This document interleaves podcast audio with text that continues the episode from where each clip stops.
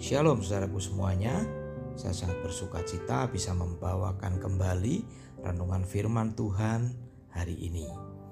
Dan kali ini renungan ini akan saya berikan judul kecewa. Saudara, dalam minggu-minggu ini kita sedang belajar tentang kesembuhan. Khususnya adalah kesembuhan hati atau jiwa. Kalau kesembuhan fisik atau tubuh itu bisa dilakukan oleh dokter dengan teknologi-teknologi medis yang semakin maju. Tetapi saudara, jika yang sakit itu jiwa, apalagi roh, maka saya pikir tidak ada dokter yang bisa mengatasi dengan sempurna. Kalau toh dokter memberikan obat, itu pun hampir selalu yang diberikan adalah obat penenang atau obat tidur supaya pasien menjadi lebih tenang. Tapi kemudian dia mengantuk dan untuk sejenak saja dia akan melupakan masalahnya. Tapi begitu dia bangun, maka dia akan kembali lagi stres menghadapi masalahnya. Nah, inilah uniknya sakit jiwa atau jiwa yang sakit. Saudara, ada begitu banyak penyebab jiwa menjadi sakit. Salah satunya yang ingin saya bahas adalah yang namanya kecewa. Dan penyebab kecewa pun ada banyak sekali dan ini harus kita waspadai. Jika kita lengah dan kemudian terjebak dalam salah satu penyakit jiwa ini akan sangat mungkin kita sepertinya terlihat sehat fisiknya, tetapi hati kita pelan-pelan menjadi rusak. Kemudian muncul akibat-akibat yang di luar dugaan kita yang sangat merugikan bahkan membahayakan. Ada orang-orang yang setelah terjebak di dalam kekecewaan yang tidak tertangani dengan baik, kemudian dia berubah menjadi pribadi yang pasif, menjadi pribadi yang pemurung, pemarah, penyendiri, dan kemudian orang itu mandul prestasinya, dan lain sebagainya. Seorang pemuda yang seharusnya punya potensi hebat, tiba-tiba berubah menjadi pribadi yang aneh karena kecewa kepada pacarnya Bahkan tidak sedikit yang kemudian menjadi pelaku kriminal, terjebak narkoba, menjadi pembunuh dan lain sebagainya karena dia kecewa. Artinya saudara, jangan remehkan kekecewaan yang Anda alami. Apa pun itu penyebabnya, bentuknya, dan lain sebagainya sadari dan waspadai akibatnya, dan lebih bijaksanalah di dalam mengatasinya. Amin. Nah, saudara, kali ini saya ingin ajak Anda semua belajar dari seorang yang hebat bernama Ahitofel. Siapakah dia? Ahitofel adalah penasehat agung Raja Daud. Orang yang sangat bijaksana Perkataannya ibarat sabda pandita ratu. Urapannya dahsyat luar biasa. Sampai-sampai Alkitab menulis di dalam 2 Samuel 16 ayat 23 berkata demikian. Pada masa itu setiap nasihat Ahitofel diterima seakan-akan itu perkataan Allah sendiri. Baik Daud maupun Absalom menuruti nasihat-nasihatnya. Saudara bayangkan perkataan Ahitofel itu dianggap sama dengan perkataan Tuhan. Bayangkan betapa saktinya dia, betapa hebatnya dia. Apa yang akan kita pelajari dari orang ini adalah tidak ada manusia yang kebal dari kecewa. Jadi saudara berhati-hatilah dengan satu penyakit jiwa yang bernama kecewa. Kita lanjutkan. Ahitofel ini adalah salah satu pembesar istimewa di dalam kerajaannya Daud. Dan bisa dibilang dia adalah tim inti dari Raja Daud. Lebih istimewa lagi, Ahitofel sangat dekat hubungannya dengan Tuhan Allah Israel. Sehingga kalau Tuhan akan memberi nasihat kepada Daud atau sebaliknya Daud ingin tahu kehendak Tuhan, maka sering kali Ahitofel lah mediatornya. Kurang apa coba orang ini? Begitu hebat, urapan dahsyat, menduduki posisi penting, penasehat, pintar luar biasa. Sampai suatu hari saudara, Raja Daud melakukan kesalahan fatal, yaitu dia mengintip Bathsheba mandi dan kemudian ditindaklanjuti dengan sebuah perjinahan yang terstruktur dan terencana. Sehingga Tuhan menegur keras Raja Daud lewat Nabi Nathan. Nah saudara, meskipun Daud kemudian bertobat dan mohon ampun kepada Tuhan, dan Tuhan juga mengampuni Daud, tapi dampak kerusakan yang terjadi begitu parah. Salah satu kerusakan yang terjadi adalah yang menimpa Ahitofel. Pertanyaannya, terus apa hubungannya? Nah, saudara, ternyata Bathsheba itu adalah cucu Ahitofel dari anak laki-lakinya bernama Eliam. Dan kacaunya lagi, Eliam ini adalah salah satu dari 30 jenderal perang utamanya Daud. Jadi Eliam ini sekelas dengan Uria suami Bathsheba. Dan kemungkinan besar saat Daud merencanakan berbagai hal yang jahat yang akan dilakukannya kepada Uria, yang adalah Uria ini adalah cucu mantu dari Ahitofel. Ahitofel itu juga tahu tentang rencana-rencana jahatnya Daud, tapi dia tidak diajak bicara oleh Daud karena Daud tahu siapa dan bagaimana posisi Ahitofel terhadap Bathsheba. Jadi saudara, kita bisa bayangkan bagaimana Ahitofel mendengar, melihat segala rencana busuk Daud kepada cucu kesayangannya yaitu Bathsheba sementara Ahitofel sebagai penasehat raja sama sekali diacuhkan. Hal yang bertubi-tubi inilah yang menyebabkan Ahitofel sangat kecewa, sakit hati, marah, dendam, dan semua bercampur aduk jadi satu. Nah saudara, kadang-kadang kita pun bisa saja mengalami hal-hal yang bisa membuat kita sangat kecewa. Misalnya di lingkungan tempat kerja kita, kita diacuhkan oleh rekan-rekan kerja kita, bahkan oleh pimpinan kita, dan lebih jauh lagi malah kita difitnah. Dan juga di dalam keluarga kita, di dalam keluarga besar kita, atau juga di dalam pelayanan. Kita sudah berusaha berbuat sebaik-baiknya, menjaga kepercayaan yang diberikan, menjaga tingkah laku kita. Tapi ketika terjadi masalah, eh malah kita yang dijadikan kambing hitam. Atau Seringkali saudara, dengan orang yang sudah kita anggap sebagai sahabat dekat, tiba-tiba karena sesuatu hal orang tersebut meninggalkan kita, memusuhi kita, dan bahkan mengkhianati kita.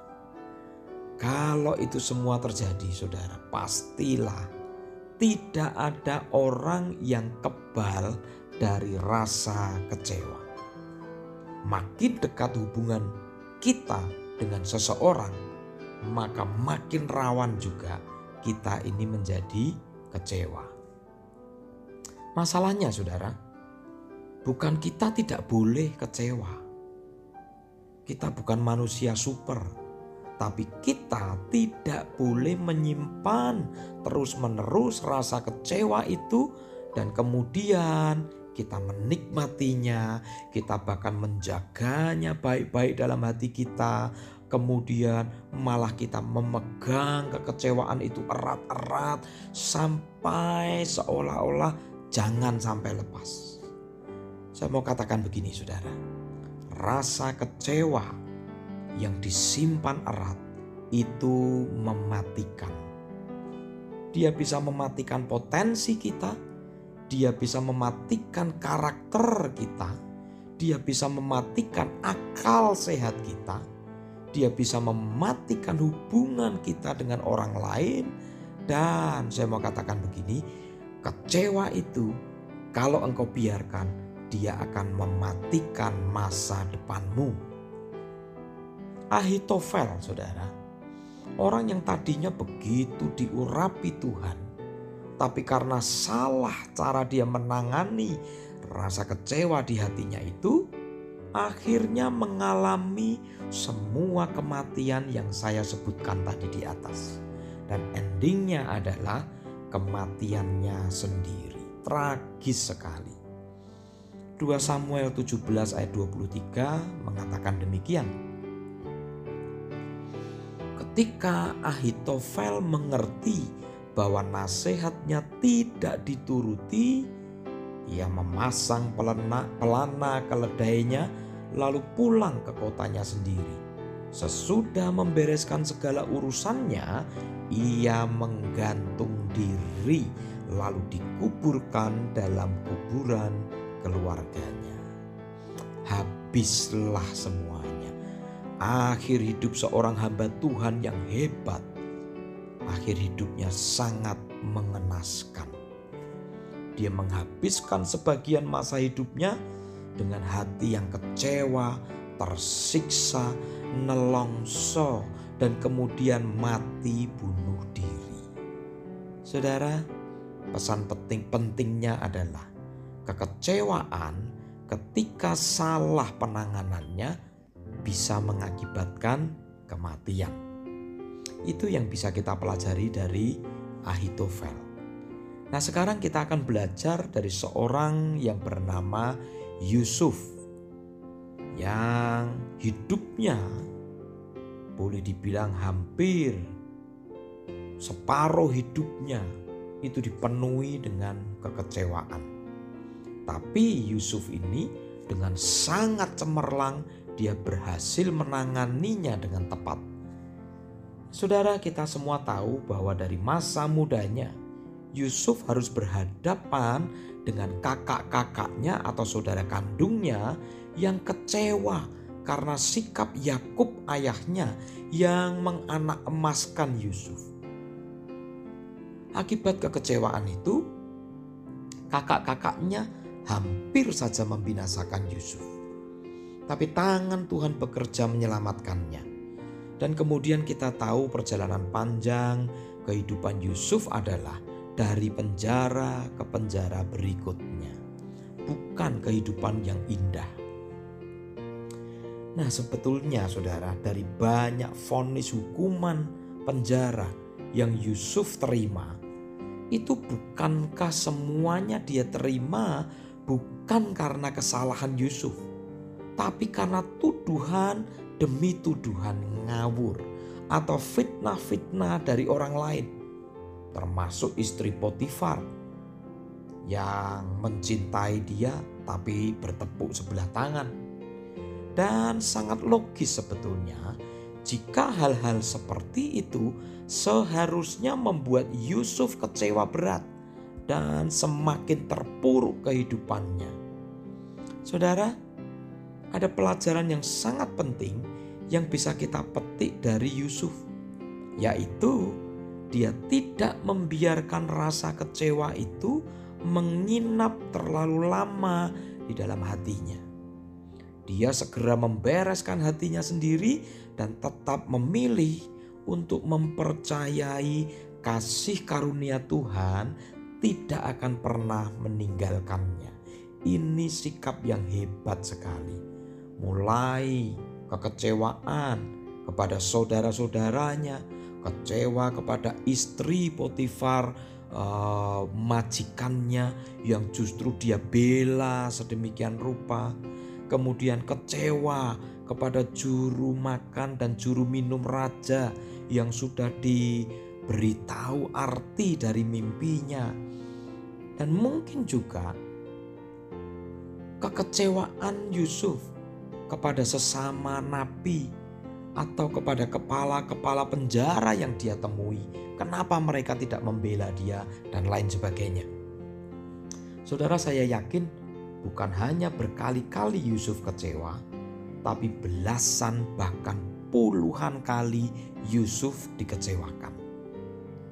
Saya ajak saudara baca dalam kejadian 40 ayat 14 dan 15. Yusuf sedang berbicara kepada juru makan dan juru minum raja yang baru saja dia beritahu arti mimpinya mereka. Kejadian 40 ayat 14 dan 15. Tetapi ingatlah kepada saya apabila keadaanmu sudah baik tolong sampaikan persoalan saya kepada raja supaya saya dibebaskan dari penjara ini.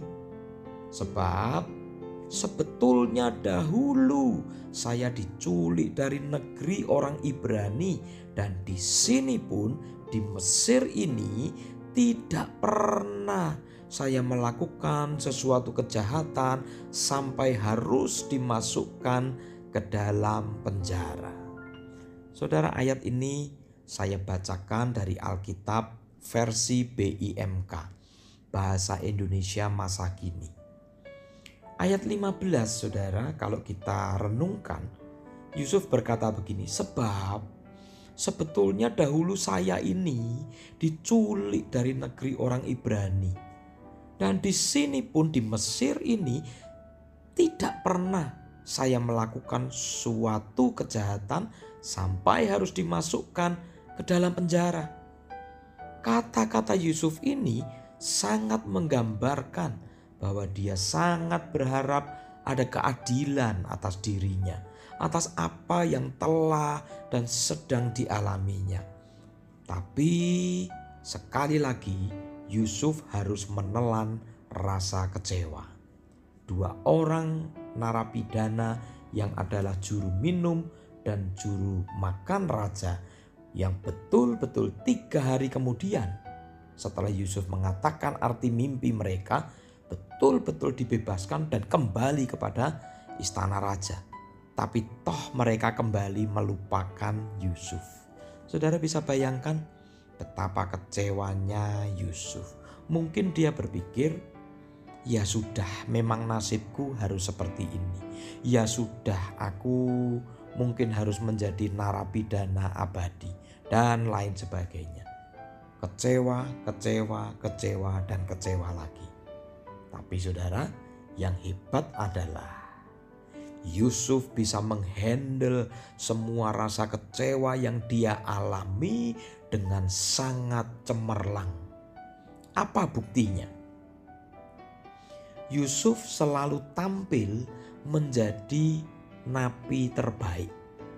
Di mana pun dia di penjara, potensinya tetap meningkat, potensinya tetap menonjol, karakternya tetap sangat baik, kinerjanya tetap produktif. Dan ini semua terjadi karena Yusuf berhasil menang atas rasa kecewanya.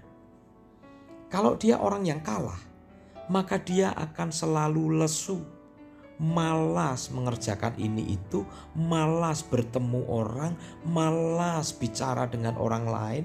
Dia akan terus-menerus baper, dia akan terus-menerus pasrah, menyalahkan keadaan, menyalahkan banyak orang. Dia akan menjadi pemurung dan lain sebagainya. Dan kalau dia lakukan semuanya itu, maka dia tidak mungkin dipasrai oleh kepala penjara untuk memimpin para narapidana di penjara itu. Betul saudara? Dan itu tidak hanya terjadi sekali dua kali. Tapi di setiap penjara yang Yusuf lalui, di sana dia selalu tampil menjadi best of the bestnya.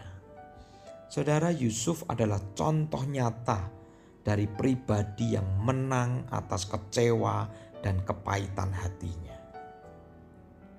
Nah, saudara, puncak dari kemenangan Yusuf atas semua ujian itu kita bisa baca di dalam Kejadian 45 ayat 1 sampai 5. Yang kali ini saya akan bacakan dari Alkitab terjemahan baru.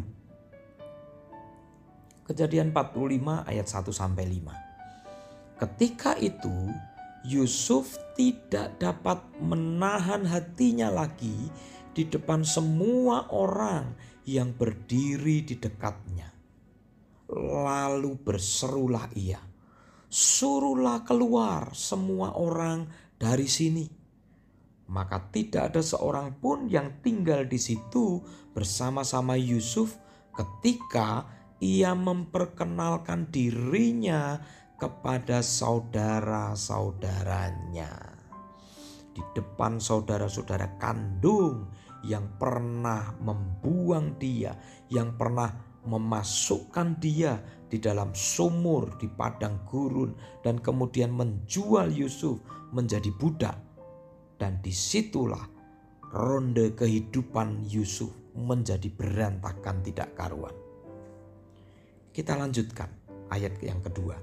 Setelah itu menangislah ia keras-keras sehingga kedengaran kepada orang Mesir dan kepada seisi istana Firaun. Saudara bisa bayangkan betapa kerasnya Yusuf menangis. Dia melepaskan semua kepenatan di dalam hatinya dia melepaskan dan meledakkan kecewanya itu dengan tangisan. Ayat yang ketiga. Dan Yusuf berkata kepada saudara-saudaranya, Akulah Yusuf. Masih hidupkah Bapa? Tetapi saudara-saudaranya tidak dapat menjawabnya sebab mereka takut dan gemetar menghadapi dia. Lalu kata Yusuf kepada saudara-saudaranya itu, "Marilah dekat-dekat." Maka mendekatlah mereka.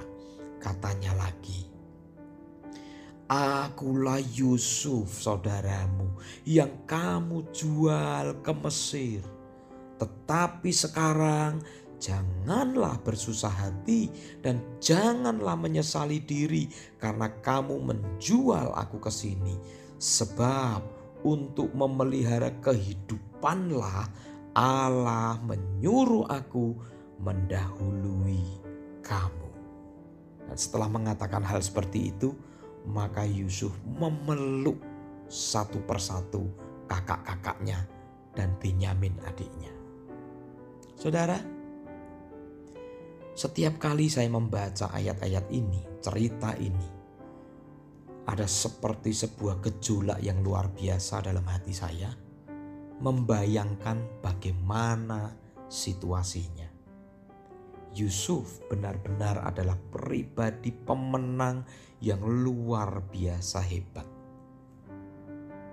Bayangkan saudara, saat dia ada di puncak jabatan, saat dia memegang kekuasaan yang begitu besar dan sekaligus dia ada di puncak dendam kesumatnya kepada kakak-kakaknya yang sudah menzolimi dia, menyengsarakan hidupnya puluhan tahun, berbuat begitu jahat tanpa Yusuf melakukan kesalahan. Tapi saudara, Yusuf tidak mau memakai semua senjata kedagingan itu untuk membalas dendam. Tapi justru sebaliknya, Yusuf memilih untuk melihat betapa hebatnya rencana Tuhan dalam hidupnya dan keluarganya. Ini adalah sungguh sebuah sikap yang dewasa dan matang di dalam imannya.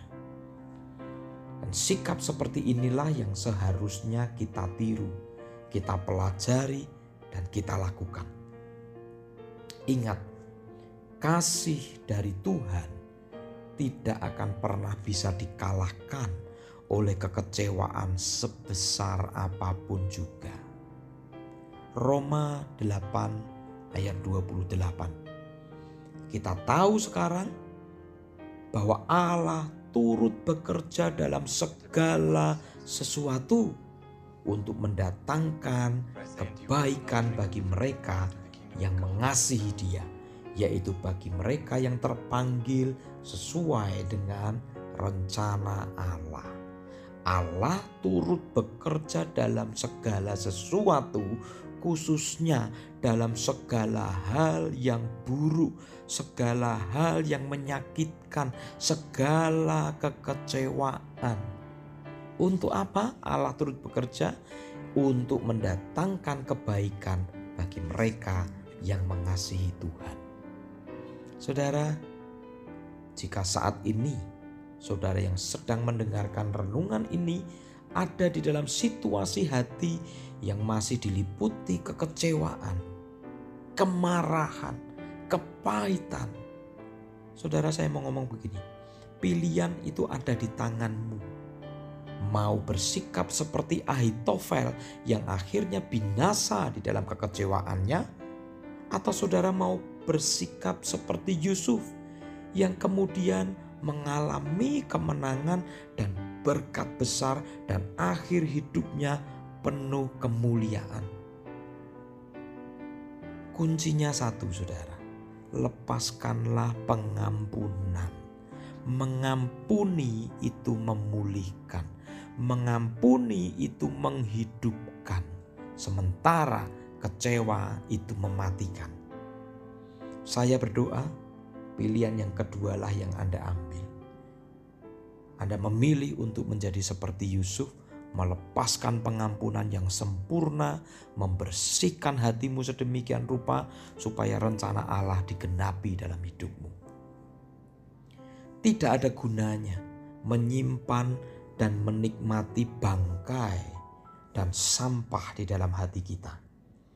Buang saja dan simpanlah hal-hal yang baik, yang menyenangkan, yang indah, yang sedap didengar, supaya kita bisa juga menikmati semua berkat dan keindahan rencana Tuhan di dalam hidup kita. Tuhan memberkati.